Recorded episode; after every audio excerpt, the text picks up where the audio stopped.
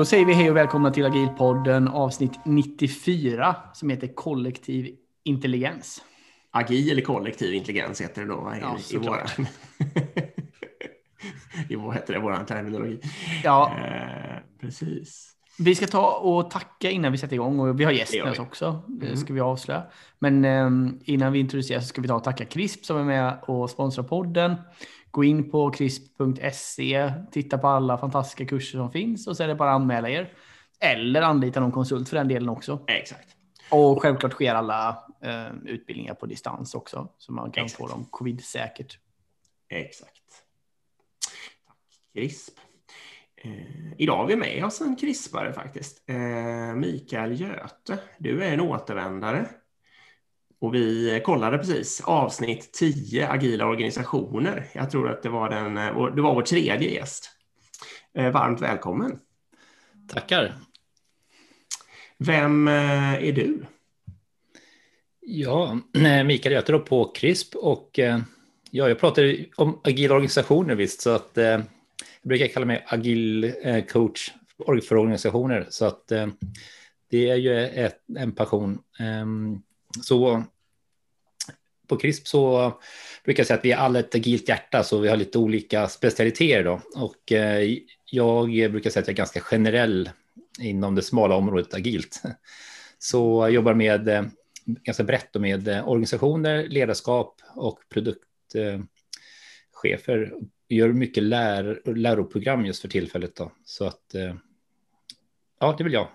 Ja. Kul! Ska Ja, säga kul också, det här är, det är ett lyssnartips från Carolina och jag tror kanske att hon gick någon kurs eller lyssnade på dig på något sätt eller eh, vad hon kunde ha gjort här om, för någon månad sedan, eller några månader sedan. Ska vi gå in på själva ämnet då? Du får hjälpa oss Ja. här. Jag har hört termen, framförallt på engelska då, som är collective intelligence antar jag. Vi använder dock den svenska termen i det här avsnittet för en gångs skull, så det blir kollektiv intelligens. Eh, vad är det för något? Ja, det finns ju IQ då som vi mäter individuell intelligens. Och eh, för, på en individ så kan man ganska bra mäta och säga att den här personen har högre eh, intelligens och då kan man förutsäga att den här personen kommer att kunna prestera bättre i ett antal olika områden. Mm. Så, och lite i frågan då om kan man mäta och göra det här även på grupper eller team? Eller i större sammanhang då? Och eh, det kan man. Spännande. Så. Så det är väl där, det är därifrån det kommer egentligen då. kollektiv intelligens är bara helt enkelt så att man, man sätter människor i ett team och sen så tar man och adderar ihop varje individs intelligens och så får man en kollektiv. Och förhoppningsvis blir det lite ett plus ett är tre effekten av det. Just det, för eh, forskning som har gjorts på det här visar ju att eh, eh, det är inte summan bara av individernas individuella IQ som ger det gemensamma kollektiva intelligensen. Då då. Och det, den spelar inte så stor roll, den är inte, den är inte speciellt korrelerad då med eh, eh, teamets prestation. Inte Okej. heller liksom max-IQ för en individ. Utan det är, finns någonting i, i teamet som gör att man kan få ut liksom mer av varandra. Då. Och, förlåt, går det här att mäta eller vad, liksom, hur, hur, eh, hur, tar man, hur tar man på det här? Liksom? Ja, det finns eh, forskning som har gjorts på Carnegie Mellon University bland annat. Då. Eh, en som är mest känd eh, forskare där är Anita Woolley som de har forskat en hel del då och kunnat korrelera eh, olika faktorer som visar på en ökad liksom, intelligens tillsammans. Ja. Så en sak som de kom fram till eh, var just eh, förmågan att kunna läsa social cues eller läsa av människors eh, känsla och, och uttryck och så vidare.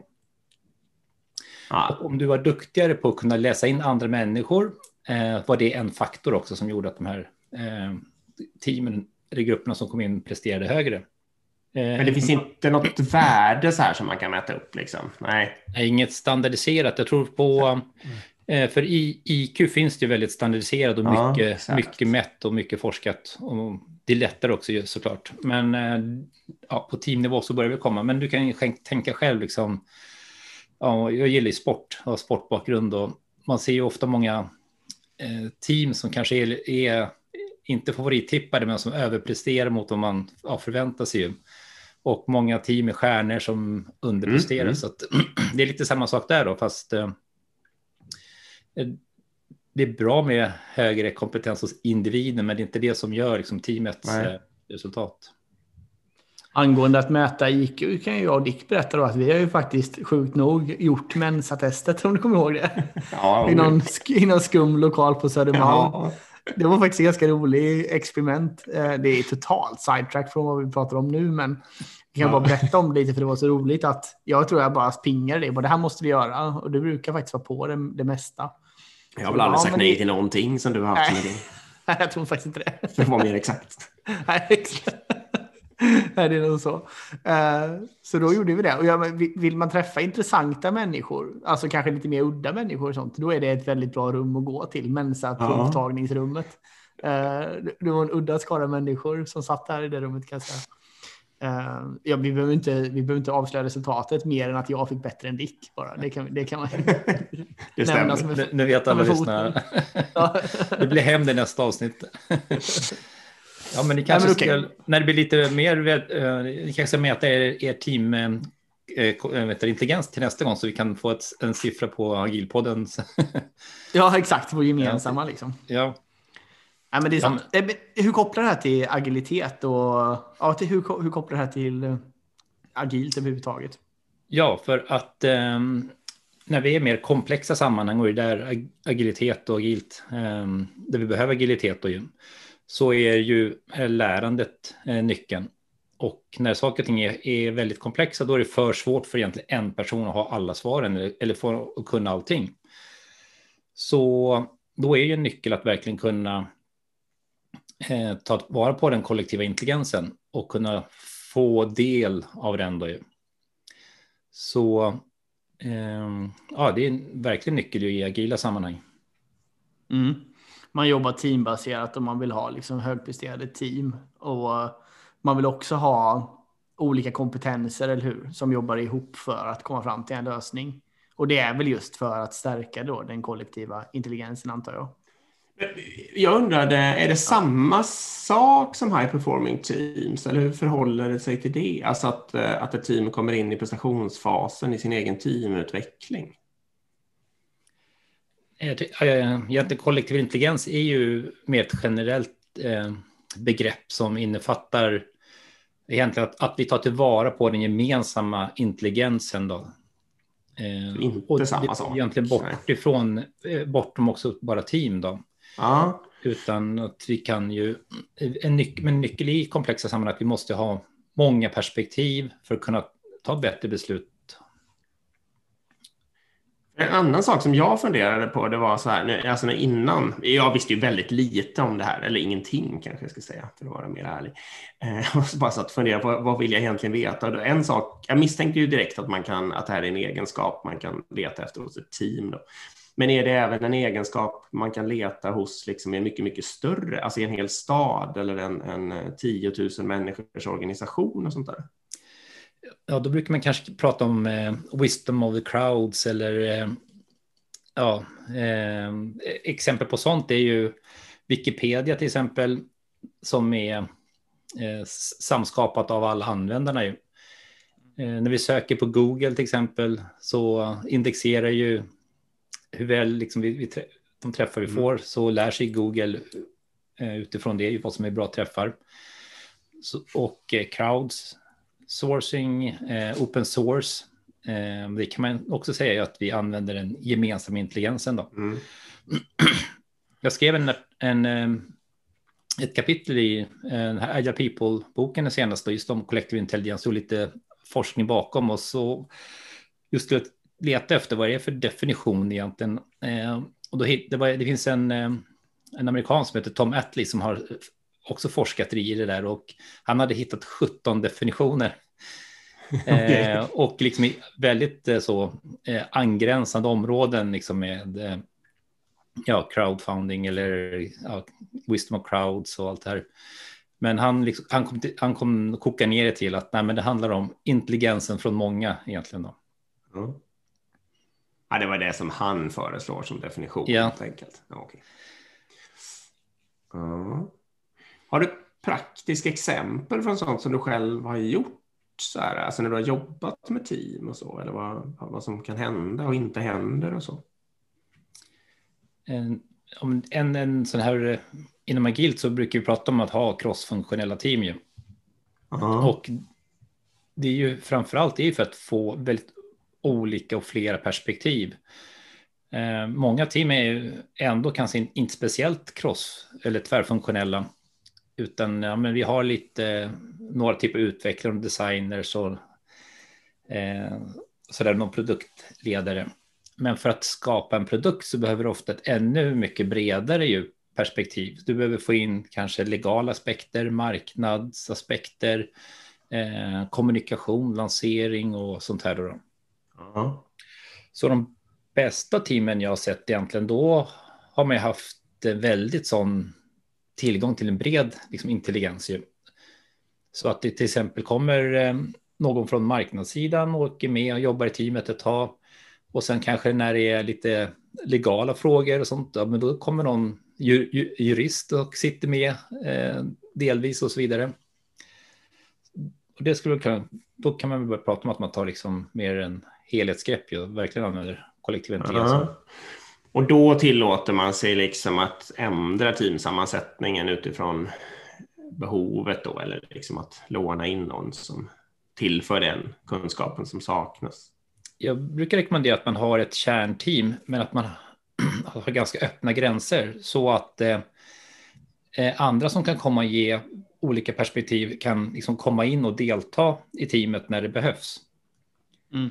Så att man bjuder in eh, till olika intressenter eller olika eh, som kan i olika perspektiv så att de verkligen kan, kan komma in och så deltar man och så kan de kliva ut igen. igen då. Så det blir, vi brukar prata om så öppet deltagande, att det är, det är lätt liksom att komma in och bidra.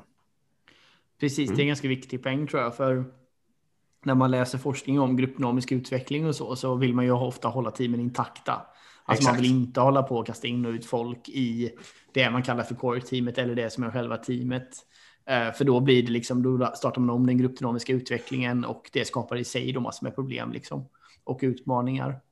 Ehm, Så som vi brukar, som jag brukar tänka kring det här är ju som du säger mer att man ser det som en kompetens man lånar in. Det är inte en person som nödvändigtvis kommer vara med och sätta vilka team agreements vi kommer ha i, i teamet eller som kommer definiera hur vi ska jobba och så vidare. Utan det är mer en person som kommer in med en kunskap under en tid Mm. för att stärka upp, liksom ge nya perspektiv. Så det är lite mer som ett beroende egentligen än, en, än att det är en kärnkompetens i teamet. Ja, för eh, det är lite så här känsligt inom, inom agilt att vi ska ha fasta och Mm. långlevande team och de, de kan Exakt. väldigt bli inåtfokuserade så att även om de är hyfsat så tvärfunktionella, eller sätter, tillsamm- sätter ihop dem så oftast räcker inte det utan behöver ännu fler perspektiv för det är ännu mer komplext. Och då behöver vi just kunna ha mer eh, flytande liksom in och ut kompeten- kompetenser och mycket snabbare då. Eh, och om det kommer, om bjuder man in andra deltagare så är de där och deltar lite på de premisserna som gäller just där. Mm. Det är lite, jag brukar säga som om, om jag kommer hem eh, till dig på besök. Ja, men då är det liksom det som gäller hemma hos dig. Jag kliver inte bara in med skorna eh, till exempel och Nej. sådana här saker utan. När man är- anpassar efter dem. Ja, exakt ju. Ja, verkligen. Ja, men det är jag med om. Det var ett smart sätt att uttrycka det. var ju det du var inne på Erik med team agreement och sånt. Liksom. Eh, att, precis. Men att man tänker sig att det är som att det är gäster som hälsar på oss kärnteamet och hjälper dem under en period. Liksom. Mm. Utan Men jag skulle- ändra. Jag tänkte säga att um, något som är väldigt populärt nu är ju psychological safety eller psykologisk trygghet. Då. Amy Edmonds har skrivit bo- en bok om det ganska nyligen också, men hennes Mm. förra bok är väldigt intressant som heter Teaming som just där du ser teamande som ett verb, att det är en förmåga så att du är liksom duktig på att snabbt komma in och prestera. Men lite inom agilt har ju varit så här, nej, nej, nej, det funkar, rör inte teamet, det är waste om det liksom eh, det, förändra för mycket. Men jag tror att vi har varit liksom dåliga på att teama, men nu när de flesta har varit med på ett högpresterande team, Mm. då vill man inte gå tillbaka till någonting annat, utan är, blir det förändring eller får ni uppgifter nu ska jag lösa det här, så snabbt kommer man kunna liksom komma upp i ganska hög prestation och säga att okej, vad ska vi göra, vad är, det, vik- vad är viktiga här, vad behöver vi veta och kunna vilka ska vara med. Jag håller helt med om det. Ehm, och det märker man ju också på team som har blivit högpresterande att det går mycket snabbare för dem att både eh, onboarda en ny person och komma tillbaka liksom. Eller också, Eh, de kommer ju med massor med erfarenhet av att jobba i ett högpresterande team. Så de har också verktygen för att ta ett nytt team mycket snabbare på den resan, absolut. Jag håller med. Um, men jag tror jag, jag, jag, tror också man ska ändra team baserat på hur produkter ändras, baserat på kompetens, baserat på också på individuell utveckling. Liksom. Det är många stagnerar ju om man sitter för länge i samma team och jobbar med samma produkt. Samma produkter och samma människor.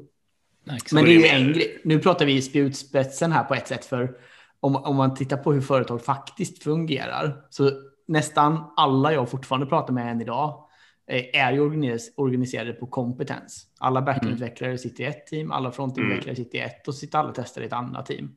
Och sen så säger man liksom, ja men hur gör ni när ni ska få ut en feature? Blir det inte massor med beroende då? Jo, men vi har ett möte och så kommer vi överens om hur API ska se ut och sen så går vi hem och bygger liksom. Jaha, men funkar det sen då? Ah, du vet. Ja, så har vi ett jätte, så stort planeringsmöte och identifierar alla beroenden och sen så kan vi liksom hantera vi dem istället för att lösa dem. Då. Exakt, ja, det, det mm. var härlig, härlig smocka till safe där. det, det sticker vi inte... det, det nej, men... nej, men jag, jag förstår vad du menar. Jag håller med. Det, det, det, det är tyvärr så det ser ut fortfarande på väldigt många organisationer. Uh, och det är därför jag tror också, min, min slutpoäng med det var lite att det är också därför jag tror att jag i alla fall fortfarande faktiskt ganska mycket för att team ska få vara intakta. För i organisationer där man äntligen nu har gått från det här kompetensbaserade till att man äntligen sitter ett tvärfunktionellt team och man kan börja leverera features liksom då är det så otroligt viktigt att inte det sitter en chefsorganisation och bara, nej men nu ska vi proffstycka lite och bara ändra i de här teamen helt och hållet för vi tycker det är bra liksom, utan det är bättre att ha dem intakta. Det var min poäng. Ja, ähm, jag har till och med sett att chefer bryter upp team som fungerar bra. De bästa teamen har ibland brutits upp för att nej men de var ju så högljudda. De bråkade bara, de hade ju bara konflikt. Eh, nej, nej, nej, vad har ni gjort? Eh, eh det var ju bästa teamen hade. De hade engagemang, öppenhet och eh, var liksom rak kommunikation. Det var ingen konflikt eller bråk, utan det var, det var de bästa ni hade. Mm. Men om... De bästa, det var de, de rädda som satt i ett hörn och inte vågade säga flask. Ja. Mm. Erik, säg. Ja, jag skulle säga, eh, nu, nu är jag och Dick, eh, jag är CTO och Dick är CEO. Då. Jag, han är vd och jag är IT-chef här och så är du inne och coachar oss som organisation här. Där vi sitter då med icke-kostfunktionella team. Vi är jättenyfikna på det här med kollektiv intelligens, men vi vet inte alls hur vi ska börja eller vi, hur vi ska ta oss an detta. Hur gör man då liksom som organisation eller som team? Hur ska man tänka kring detta? Vi pratade lite om det här med möjligheten att mäta Går det att mäta ett, ett nuvärde, göra massor med saker och sen se om det blir bättre? Eller hur, hur ska man ta sig an det? Nej, utan eh, det finns ju några. Jag var inne på det med vad, vad det var som gjorde eh, skillnad också i teamen. Då. Men eh, en annan skillnad är just där mer jämlikhet eller likvärdigt deltagande. Då. Så om du har någon som dominerar ett team till exempel, tar för mycket plats eller för mycket tid och utrymme, de teamen hade också mätbart sämre liksom, förmåga och intelligens. Då. Så eh, en sådan nyckel är ju att se till att eh, det blir bra balans när du sätter samman teamen. Då. Och att det, det är inte bara liksom den, den faktiska eller tekniska kompetensen som är viktig utan personligheterna. Då. En annan som faktor som, också, som man också kom fram till var att team som hade eh, fler olikheter eller framförallt fler kvinnor eh, presterade högre. Mm.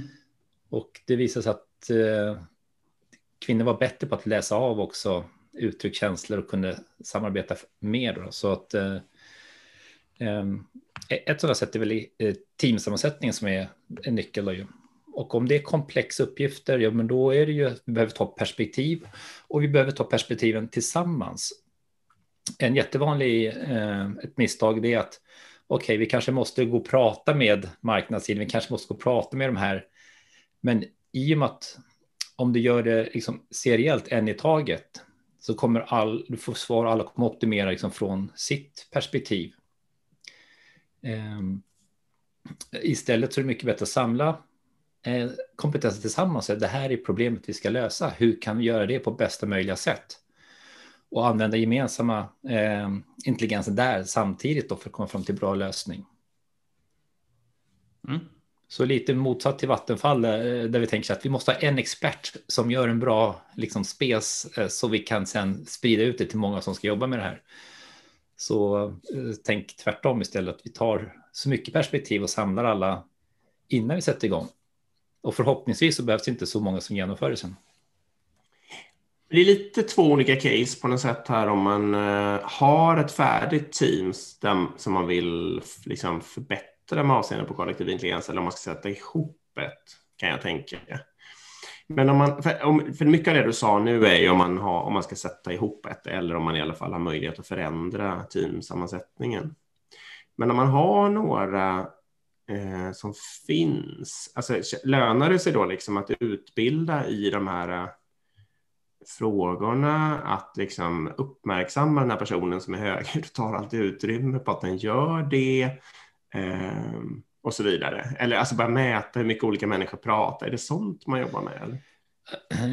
Ja, men jag har varit teamcoach. Jag, vet, jag hade en ledningsgrupp en gång och ehm, eh då, jag har lite sport, sportbakgrund och sådär, sport och då, då brukar man göra statistik så där man eh, eh, och titta hur passningar går och sånt. Så tänkte jag så här, men vänta nu, här, det, eh, jag ska nog rita upp kommunikationsmönstret i det här teamet. Så jag ritade på pappret liksom och vem som pratar med vem. Eh, och sen efter en liten stund då såg man ju att eh, det var två och två som pratades här på sidan eh, och resten var liksom från teamledaren. Mm, ja. ofta teamledaren pratar ofta också till kanske individer. Och så när jag la fram det här så ja, chefen där, trodde inte sina ögon att eh, nej, det är, inte, det är inte möjligt. Det är inte möjligt. Jag som är så inkluderande. Mm. ja, alla kommer väl till tals här och jag lyssnar. du, du driver med mig liksom. Men eh, sådana saker, bara att visualisera ju vad som, ja, hur det ser ut. Eh, så det är väl bra om du har, är, är du agil coach, team coach, scrum master och så vidare. Så det är alltid bra att ha någon utifrån som ger perspektiv. Ju. Eller annars mm. kan man ju också, skulle man kunna rotera det i, i teamet då. Ja, men verkligen. Och jag tror, om inte jag minns fel nu med Susan Whelans forskning om gruppdynamisk utveckling, så man kan inte på förhand um, plocka ihop folk och, och, och, säga att de kommer prestera bättre än en random grupp människor. Det är liksom inte det är inte där jobbet, den bästa organisationen sitter inte och förhandspickar att de här skulle jobba bra ihop för de kommer prata lika mycket och så vidare. Det, det, är inte det bästa sättet att göra det på, utan man kan låta det ske helt random. Man kan låta alla välja team, liksom. men sen aktivt jobba med gruppdynamisk utveckling istället. Um, om ni förstår vad jag menar, skillnaden där. Ja, men, men, men du får ju, alltså om du sitter i, om du inte ens har rekryterat någon, då kanske det i alla fall inte är någon bra idé att rekrytera tio vita medelålders män så att säga och tro att, att du ska få en bra kollektiv intelligens Så det finns ju någon, något, alltså, jag håller med dig om att man ska, man ska inte välja den bästa backendaren och så vidare och hålla på så där och tro att det ska bli skitbra. Men, men att det finns någon form av diversity, alltså mångfald är väl ändå en... Det var jättebra att du sa det. Jag, jag håller verkligen med. Mm, jo, men det visar ju också det här med att, till exempel, eh, att ingen dominerar eh, teamet och att alla får komma till tals och ungefär lika mycket som airtime. Mm. Men det var också en faktor var att om du hade en skitstövel eller liksom du kunde eh, ha någon som också verkligen var, drog ner det ju. Så att jag tror att mm. mycket gäller kanske att, in, att ta tag i eller att och inte rekrytera och så vidare och få in sådana destruktiva mönster. Men Absolut. har du liksom tillräckligt bra, då kommer de kunna prestera och det har jag ju sett och man har hört också många gånger just att det här teamet, de har ju bara jobbat ett år och nu är mm. liksom bästa på enheten. Så här, hur, hur gick det där till liksom? Och vad gör mm. de för någonting? Så det har jag hört flera gånger. Mm. Och samma sak på individnivå också. Många, alltså kommer de i ett team så är det många juniora utvecklare till exempel som överpresterar en senior utvecklare i team som inte fungerar och så vidare. Jag håller med dig såklart tillbaka till det med, med förvalet att absolut, det är klart man måste tänka på diversity så, men jag tror inte man ska hålla på och cherrypicka på Nej. att ja, men Kalle, Nej. han pratar inte så mycket och det gör inte Göran heller. Det är bra, att sätter dem i samma team. Liksom. Nej, det, det håller jag med Nej, utan det är mer liksom att låta det här vara och sen vara medveten istället.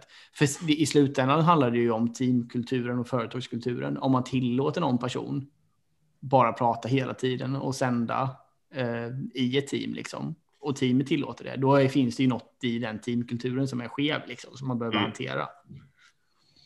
Mm. Verkligen.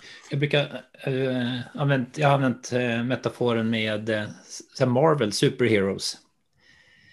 Så tänk lite att eh, när jag jobbar med ledningsgrupper eh, och så vidare, att eh, man kan ju tänka att det ska utvecklas och vi ska bli bättre ledare och allt det här, men det är en ganska långsam process. Eh, vi har ju problem idag och vi är de vi är i teamet nu. Ju.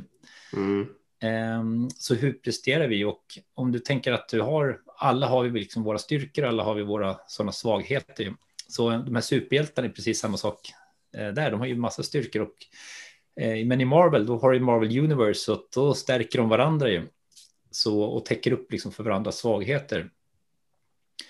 Så eh, lite så att eh, bygg ditt liksom superhero teams. Alla kan få glänsa och vara duktiga och Mm. bidra med sin expertis kompetens inom sina områden. Då.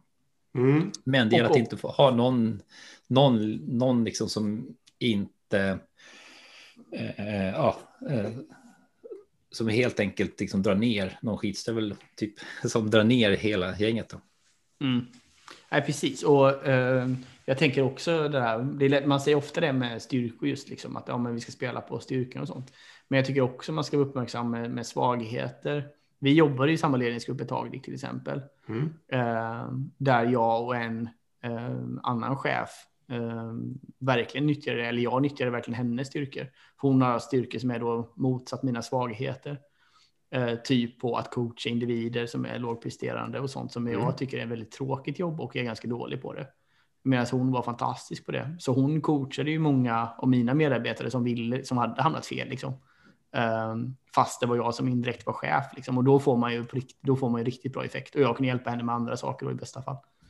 Ja, men då har ni ju ett riktigt team, för då stöttar ni varandra och täcker upp och Mm. ni tillsammans så kan ni ju stötta personalen, så det är ju toppen. Och också att ni har rekryterat ihop så att ni, för det där är lite att det är lätt för chefer att rekrytera personer som man gillar och Mm, gillar man, jo då sådana som är ganska lik dig själv och lätt att kommunicera med. ju.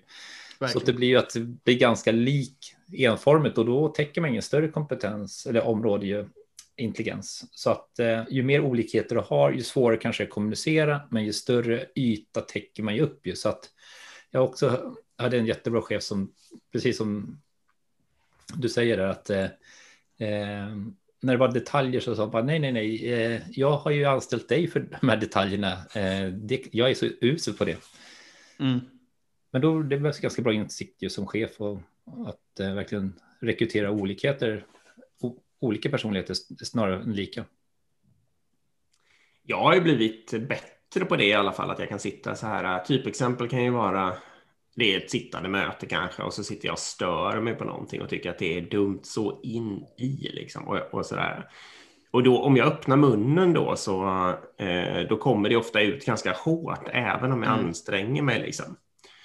Eh, ja, men då kan jag i chattfråga någon så här, vad ska jag coacha mig liksom, vad ska jag säga nu? Eller till och med att den personen istället tar upp frågan då. Om det, är någon, Mm. alltså det är kanske någon som jag står nära på ett sätt då, men som, men som har helt andra styrkor.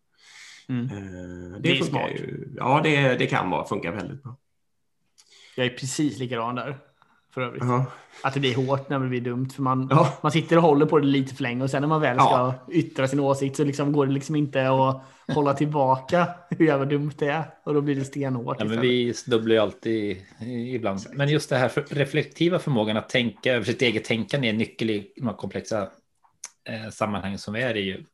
Och ju mer vi tränar upp den muskeln så kan vi liksom stoppa oss själva, reflektera och då kommer vi också eh, förbättra oss. Ju. Mm. Jag satt och funderade på, um, apropå det här med hur man kan förbättra, alltså är det, finns det en massa sådana här små knep, alltså i stil med eh, slutna omröstningar eller eh, alltså pluppröstningar eller alltså sitta med, alla ska hålla upp en lapp samtidigt och sånt. Förbättrar det den kollektiva intelligens? Man kan säga en fallgrop är ju så här eh, group think och sånt där när, de- när det blir liksom man kanske inte vågar säga vad man egentligen tycker eller att någon hasplar ur sig någonting och så färgar det konversationen. Mm.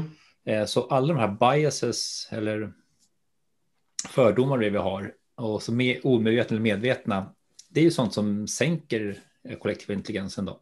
Mm. Så kan man ha strukturer eller stödverktyg som för att minska dem ju. För det kan, typiskt sånt som man ska, om man ska, man måste bekänna färg innan diskussionen till exempel, tycker jag kan vara kraftigt. Det, det pratade du, du om häromdagen, Erik. Alltså det kan ju mm. vara att man skriver upp det, det jag tycker på en lapp och så måste alla hålla upp sina lappar samtidigt. Liksom. Men det, det är sånt som skulle kunna vara bra då. Ja, ja absolut ju. Och eh, jag gillar ju eh, till exempel det här liberating structures. Eh, mm. är ju olika strukturer man kan ha på möten som är lite skiljer de, de, var, de som vi är vana med. Jag tror grunden var att eh, ja, det, eh, i alla fall i Liberating Structure, så i, i, i, vanliga organisationer då har vi bara ett fåtal typiska eh, sätt att hålla möten på. Mm. Och de är nästan alltid för liksom, strukturerade eller för lösa. Det går lite från att ha ett, en mötesordförande eller så har vi en öppen diskussion på andra sidan. Då. Eh, men det finns väldigt många sätt däremellan då. då. Så Liberating Structure är en bra källa liksom för att kunna hitta andra sätt. Då. Och en, ett sånt där väldigt bra sätt är ju Ehm, den här eh, som kallas för one, two, for all. Så att låt individen vara ensam först, så one, det är att du reflekterar själv. Två är att det som är mest tryggt är att du delar med en kollega. Fyra, det är att de här två paren går ihop till en fyrgrupp då. Och sen all, det är att då kan man göra en runda mellan fyrgrupper och då kan man, då kan man facilitera ett jättestort möte och det sker parallellt så det går väldigt fort och du kan väldigt snabbt komma fram till väldigt bra resultat. Då. Men att du, du ser till alla får först reflektera själv så att inte du färgas och någon bara tycker någonting direkt ju. Och att du kan våga dela eller kanske en galen idé med, med en person så det känns liksom tryggt. Då. Ehm, så det finns ganska många olika eh, sådana strukturer, practices och sånt för att facilitera andra typer av möten än det vanliga. Antingen bara liksom, traditionellt möte eller öppen diskussion eller brainstorming eller statusrapportering tror jag att det var väl de nästan vanligaste möten som vi brukar ha. Tyvärr är det nog så. Eriks uh, favorit. Statusrapporteringsmötet. Ja, verkligen. äh, men uh, jag håller med om det och precis du sa ju det också. Jag berättade ju om det, men, men just att uh, när vi tittar på kandidater vi har intervjuat för anställning. Då gör vi intervjuer utifrån olika perspektiv. Liksom. Alla gör från att ha olika uppdrag när man intervjuar. Och sen så träffas vi och så ska vi göra en, en, ja, men en sammanfattning och ett beslut kring om vi ska anställa individen eller inte. Och då inleder vi alltid det mötet med att göra en röstning med eh, huruvida man tycker att vi ska anställa kandidaten eller inte, eller om man är tveksam. Innan vi ens har läst varandras utvärderingar eller innan vi pratar om kandidaten överhuvudtaget. Och det är just på grund av den anledningen att om någon börjar såga liksom som första kandidat, då kommer det påverka resten sen och då kommer någon inte kunna sitta och säga, men oj, om, all, om tre tyckte han var så dålig eller hen var så dålig eh, och jag tyckte den här personen var fantastisk, vad jobbigt, alltså ni förstår. Mm. Och det är intressant att se när man röstar kan jag säga, för jag tror aldrig vi hade fått den olikheten om vi hade diskuterat det. Då hade vi mer mysigt ihop i något halvkonsensus liksom. Ja. Mm. Och när vi röstar nu så ser jag det är nästan på varje kandidat vi har några tummar rakt upp och några tummar rakt ner. Liksom. Jag har faktiskt använt den där metoden åt andra hållet. Det var alltså när folk satt och påstod att det var helt omöjligt att säga svaret på en fråga. Eh, och det kunde bli vad som helst och där, det där. Jag kan säga vad det var för någonting. Det var så här, när kan vi vara ute ur den gamla integrationsplattformen? Det skulle vara helt omöjligt. Det kunde bli precis vad som helst var det då. Några intog den positionen. Liksom. Mm. Eh, och då så sa jag, nu får ingen prata och så delade jag ut lappar. Och så sa jag, nu får ni skriva ett årtal här, var och en får skriva sin personliga gissning på när vi är ute ur den där integrationsplattformen. Ehm, för jag vill se liksom hur mycket det slår då, eller, eller alltså hur stor variansen är. Och då var det, jag tror alla hade skrivit eh, 2020 eller 2021 då, det här var, det kanske var 2018 eller någonting vi gjorde. Liksom. Ehm, så då, då, då, och då visade det ju för allihopa att okej, okay, om jag måste bekänna färg, eh, då kommer jag ändå gissa precis det som alla de andra. Då är det ganska troligt helt plötsligt att det där är en ganska bra gissning. Liksom. Eh, nu höll ju inte den, vi har gjort en organisationsändring, men jag tror absolut inte att alla de där integrationerna är flyttade. Så vi hade i och för sig fel. Men det var inte så svårt att enas om ett, eh, ett målår då, liksom, med den metoden. Men, men, hur man sätter upp mötet och hur man faciliterar har stor betydelse. Så att, eh, men Liberating Structures är en bra källa att hitta olika sätt och en annan som vi brukar använda är ju um, Sociocracy, eller S3 då som det heter. Det finns också ett antal sådana practices och någonting man använder ganska mycket där är att man gör rundor så att alla har en chans att komma till tals och känna sig hörda och man får, kan få med alla perspektiv. Då. Mm. Så att man gör en liksom, snabb runda och då kan man också börja på olika ställen och gå åt olika håll så att det inte alltid börjar på, på samma. Och eh, man har väldigt sällan öppna diskussioner. Om man ska ha en diskussion då, brukar, då blir det att man timeboxar den. Okej, okay, eh, här verkar det vara lite olika. Vi skulle vilja höra lite olika liksom, synpunkter. Så låt oss ta fem minuters öppen diskussion. Men aldrig att man bara liksom börjar eh, öppen diskussion utan någon utan slut. Mm. Nej, mm. men det, jag tror någon, eh, någon har väl blixttalat om eh, eh, Liberating Structures på Agila Sverige. Tror jag. Ja, det stämmer. Precis. Om ni, det är bara att googla, de finns ju på Youtube om ni är intresserade. Eh, jag tror inte det var du dock, det var någon annan. Mm, det stämmer.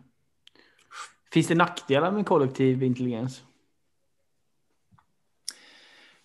Eh, många tror ju, jag vet inte om det är nackdelar, men det är lite den här, vi har en liten övertro kanske på att det är hjältar som ska lösa våra problem. Ja. Ehm, och man kanske inte tror på att eh, det kommer, ja man tror att det är, att de här berömda liksom, entreprenörerna, eh, Steve Jobs, Elon Musk och de som har gjort allting själv, liksom, då är de som har skapat det här. Eh, men ofta när du tittar och undersöker liksom, så har de alltid haft något team bakom sig eller de, eh, de bygger kompetensen på det, andra kompetenser och eh, det som är runt omkring dem och så vidare. Så visst gör de jättestor skillnad. Men det är en, lite, det är en övertro liksom till hjältar egentligen ju, eller att det är individer som ska lyckas, eller vi vill rösta fram någon stark ledare och så vidare. Eh, så jag vet inte, det är, väl inget eh, nackdel med kollektiv intelligens, men det kanske är att, det inte, att man inte tror på det helt enkelt. Mm. Nej, precis. Det, skulle, det är ju snarare en, att peka ut en nackdel med att inte förstå konceptet med ja. kollektiv intelligens. Nej, jag skulle säga du kan inte komma på något superexempel när man eh, ska gå loss på sådana här hjältar, liksom, när det är dåligt att försöka. Ja, men vi pratar ju om att det, det är i komplexa sammanhang som det är viktigt att ta olika perspektiv. Ju. Ja. Så om det inte ja. har, är det inte komplext, jag menar, det är mer än enkelt, ja då kostar det kanske bara onödig tid ju att eh, försöka ta in flera perspektiv och så vidare. Då är det bara att köra ju. Så ja. det kan ju vara en kostnad i kommunikation och, och tid. Just det. För att, och även om det är, det finns ju faktiskt saker som på riktigt är mera specialistbetonade, alltså mm, hjärnkirurgi kanske, om den är förutsägbar menar jag, man vet exakt hur man ska skära eller reparera en bil med ett känt fel eller något sånt där. Då mm. kanske det är bättre att låta en hjälte göra det på det exakt det bästa sättet faktiskt. Ja. Det skulle kunna vara en nackdel. Men, och, och, jobba med kollektiv intelligens i det mm. Eh, det som är intressant är ju nu att eh, det börjar komma AI, artificiell intelligens ju, som eh, till och med kan slå ja, läkare. Och hit, de har ju hittat eh, boten, några sjuk, det var tror jag japanskt exempel där de inte, massa läkare som hade gått bet och kunde inte lösa problemet. Men när de hade då, AI hade gått igenom eh, liksom alla sjukhusjournaler med liknande symptomer och kunna hitta andra mönster och, eh, och eh, hitta en botemedel som ingen läkare hittat och då räddade den här personen. Då. Ehm. Men det var ju ett komplext problem då kan man säga. Ja, ja, exakt ju. Men det är lite intressant. Jag läste en artikel också i veckan här just om att eh, AI kommer faktiskt ju att om vi säger att med data har vi automatiserat mer enkla jobb hittills. Och sen har jag kanske börjat nu automatisera alla repetiterbara jobb. Men med AI så kommer vi kunna eh, faktiskt eh, ersätta mer komplexa uppgifter. För ofta är det högavlönade kanske också som har eh, mer komplexa. Så att eh, med AI, då har vi artificiell intelligens också, inte bara kollektiv intelligens. Mm. Mm. Det är verkligen det är tur att det kommer behövas folk som bygger de här ML-algoritmerna och sånt. Ja, Ett tag till i alla fall. Ja, ja. ett tag till. Och eh, något som är väldigt spännande också, det är ju, eh, jag nämnde Elon Musk här, men en av hans eh, st- startups är ju eh, Neuralink, där du eh, kopplar egentligen, tanken att integrera mänskliga hjärnan med eh, datorkraft. Så i de första försöken, nu kanske på djur än så länge, men de ska kunna, i början skulle de kunna hjälpa då, till exempel om du har något handikapp, eh, syntal, fel eller, eller andra liksom, eh, problem med hjärnan, så ska datorn kunna ta över och, och hjälpa dig med den. Då. Men lite man pratar om är att eh, du, om, tänk om du kan, liksom, dina tankar kan kommunicera med datorn. För idag använder vi tangentbord och Mm. vi ska skriva in i datorn. Den processen är jättelångsam jämfört med dina tankar. Så om när du kopplar hjärnan till datorn och liksom kan integrera den kollektiva individuella intelligensen med andra, så kollektiva intelligensen och sen eh, AI. Det blir spännande.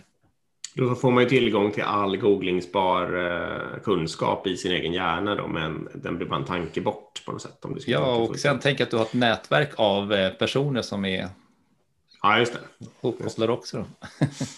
Man sätter ihop alla, alla uppkopplade eller ihopkopplade blir som en, eller möjlighet att använda varandras hjärnor direkt då på något sätt. Mm. Ja, det är spännande. tanke. Ja, nu drog vi iväg bra här. ja, men precis. Jag tänkte, um, hur, alltså, vad ska man göra konkret om man vill börja nyttja det här? Liksom? Man, man kan utbilda sig, man kan förstå begreppet, man kan förstå vad det innebär. Man kan titta på eh, sin organisation. Hur jobbar man? Jobbar man isolerat i silos och så vidare? Vad, vad, kan man, vad borde man mer göra liksom, om man tycker det här låter spännande? Jag tror, vi pratade om teamsammansättning var en sak. ju, Att också jobba då kanske med lite mer öppet deltagande med ett kärnteam och sen verkligen få in olika kompetenser som kommer att och, och deltar ju. var ju en annan sak. Och sen hade vi ett Mm. antal liksom sådana verktyg för att bättre facilitera så att det är mer likvärdighet och jämlikhet och inte de kanske traditionella mötesstrukturerna eh, där ju. Mm. Eh, och sen också kanske då att eh, det här med att utnyttja liksom styrkorna i teamet, olika personligheter, men se till att vi inte har någon som bara sänker teamet, men att vi har alla liksom de här su- superpowers egentligen, så kunna utnyttja någon som det här Marvel Mm. Heroes egentligen då. Absolut. Vi kommer ihåg Dick, vi skrev faktiskt en kapitel i vår bok om Remove the Hero. Alltså att om man har någon hjälte på teamet som alltid går in vet, löser den där svåra incidenten eller alltid lägger ner kvällsarbete för att lyckas få in den där featuren innan release och så vidare. Att många, många gånger så tjänar organisationen på att flytta den personen Mm. från det teamet. För har du hunnit bli den hjälten så har du antagligen ett varit på för länge i samma team och i för längre produkt. Liksom.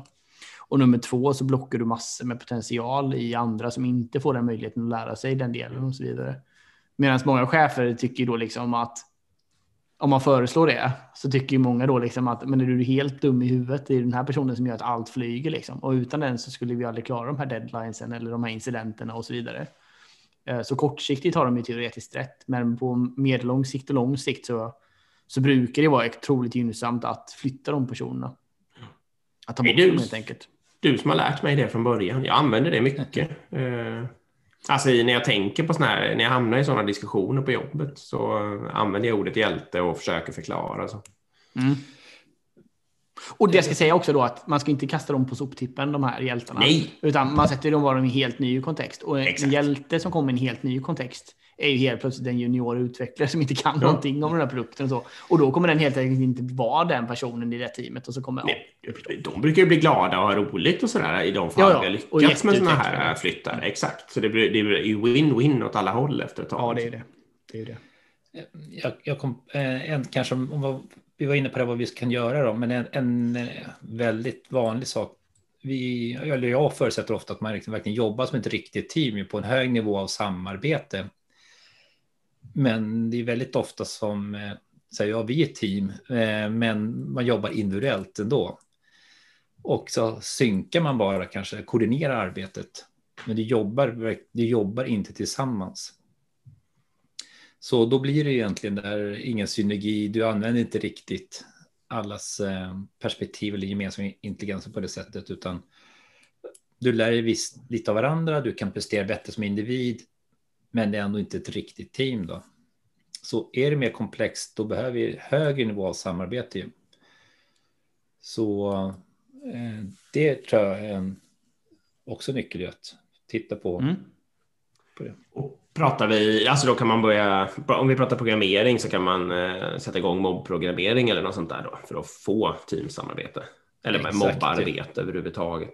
Ja, och jag vet ledningsgrupper som också börjat liksom mobba och så vidare runt uppgifter för att mm. jobba verkligen tillsammans. Och Woody Syl som är en av de här bakgrundsfigurerna till mobbprogrammering. Jag gillar hans eh, definition av samarbete där det är fler än en person som jobbar på samma uppgift eh, samtidigt på samma plats.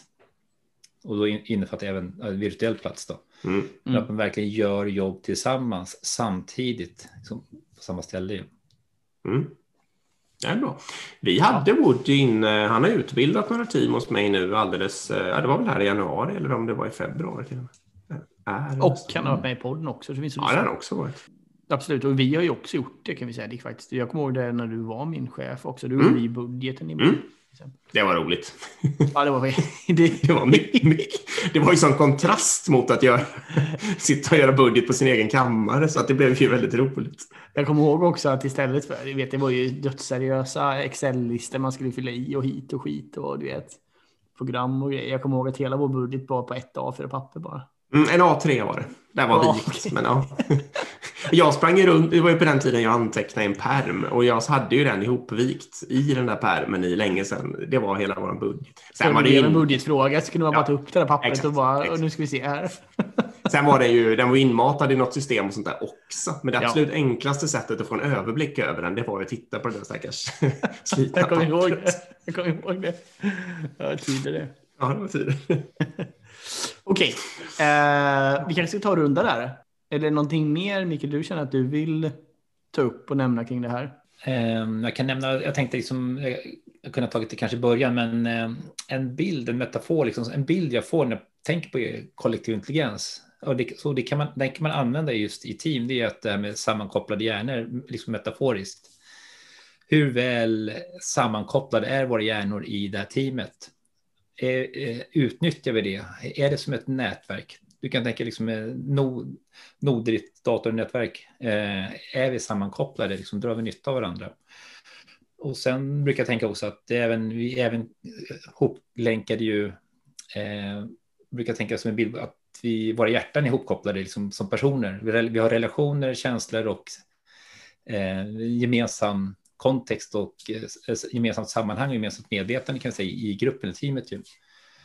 Så hur kan vi, kan vi bygga den här ja, mellanmänskliga eh, samarbetet då ju, och mm. kopplingen mm. mellan varandra. Så att lite brukar ha den här bilden av sammankopplade hjärnor och sammankopplat hjärta. Liksom, eh, då tror jag att vi kan få ut den här kollektiva intelligensen. Då. Mm. Mm.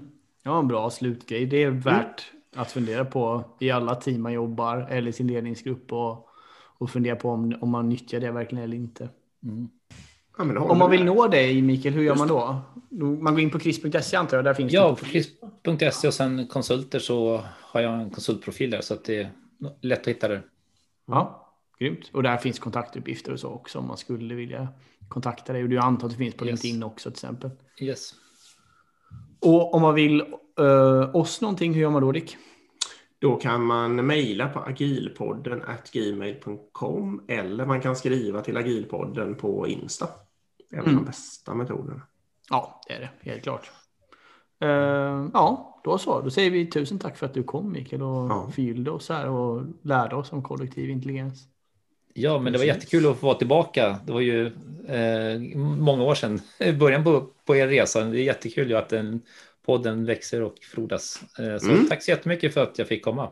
Ja, absolut. Ja, exakt. Det var tre år sedan du var med, så du får väl vara med om tre år igen. Då, ja, okej. Okay. får vi se vad det blir då. Ja. ja. Okej, okay. ja, men det är bra. Se hur det gått med AI. Uh... Ja, exakt. Du kanske är ersatt helt enkelt. vi kan ladda ner den direkt, den avsnittet. Då. ja, exakt. Okej, okay. bra. bra. Tack och för att ni lyssnade. Eh, precis, tack till alla som lyssnar. Tack till CRISP också. Ja, verkligen. Bra, vi hörs. Det säger vi. Hej. Det gör vi. Hej. Hej.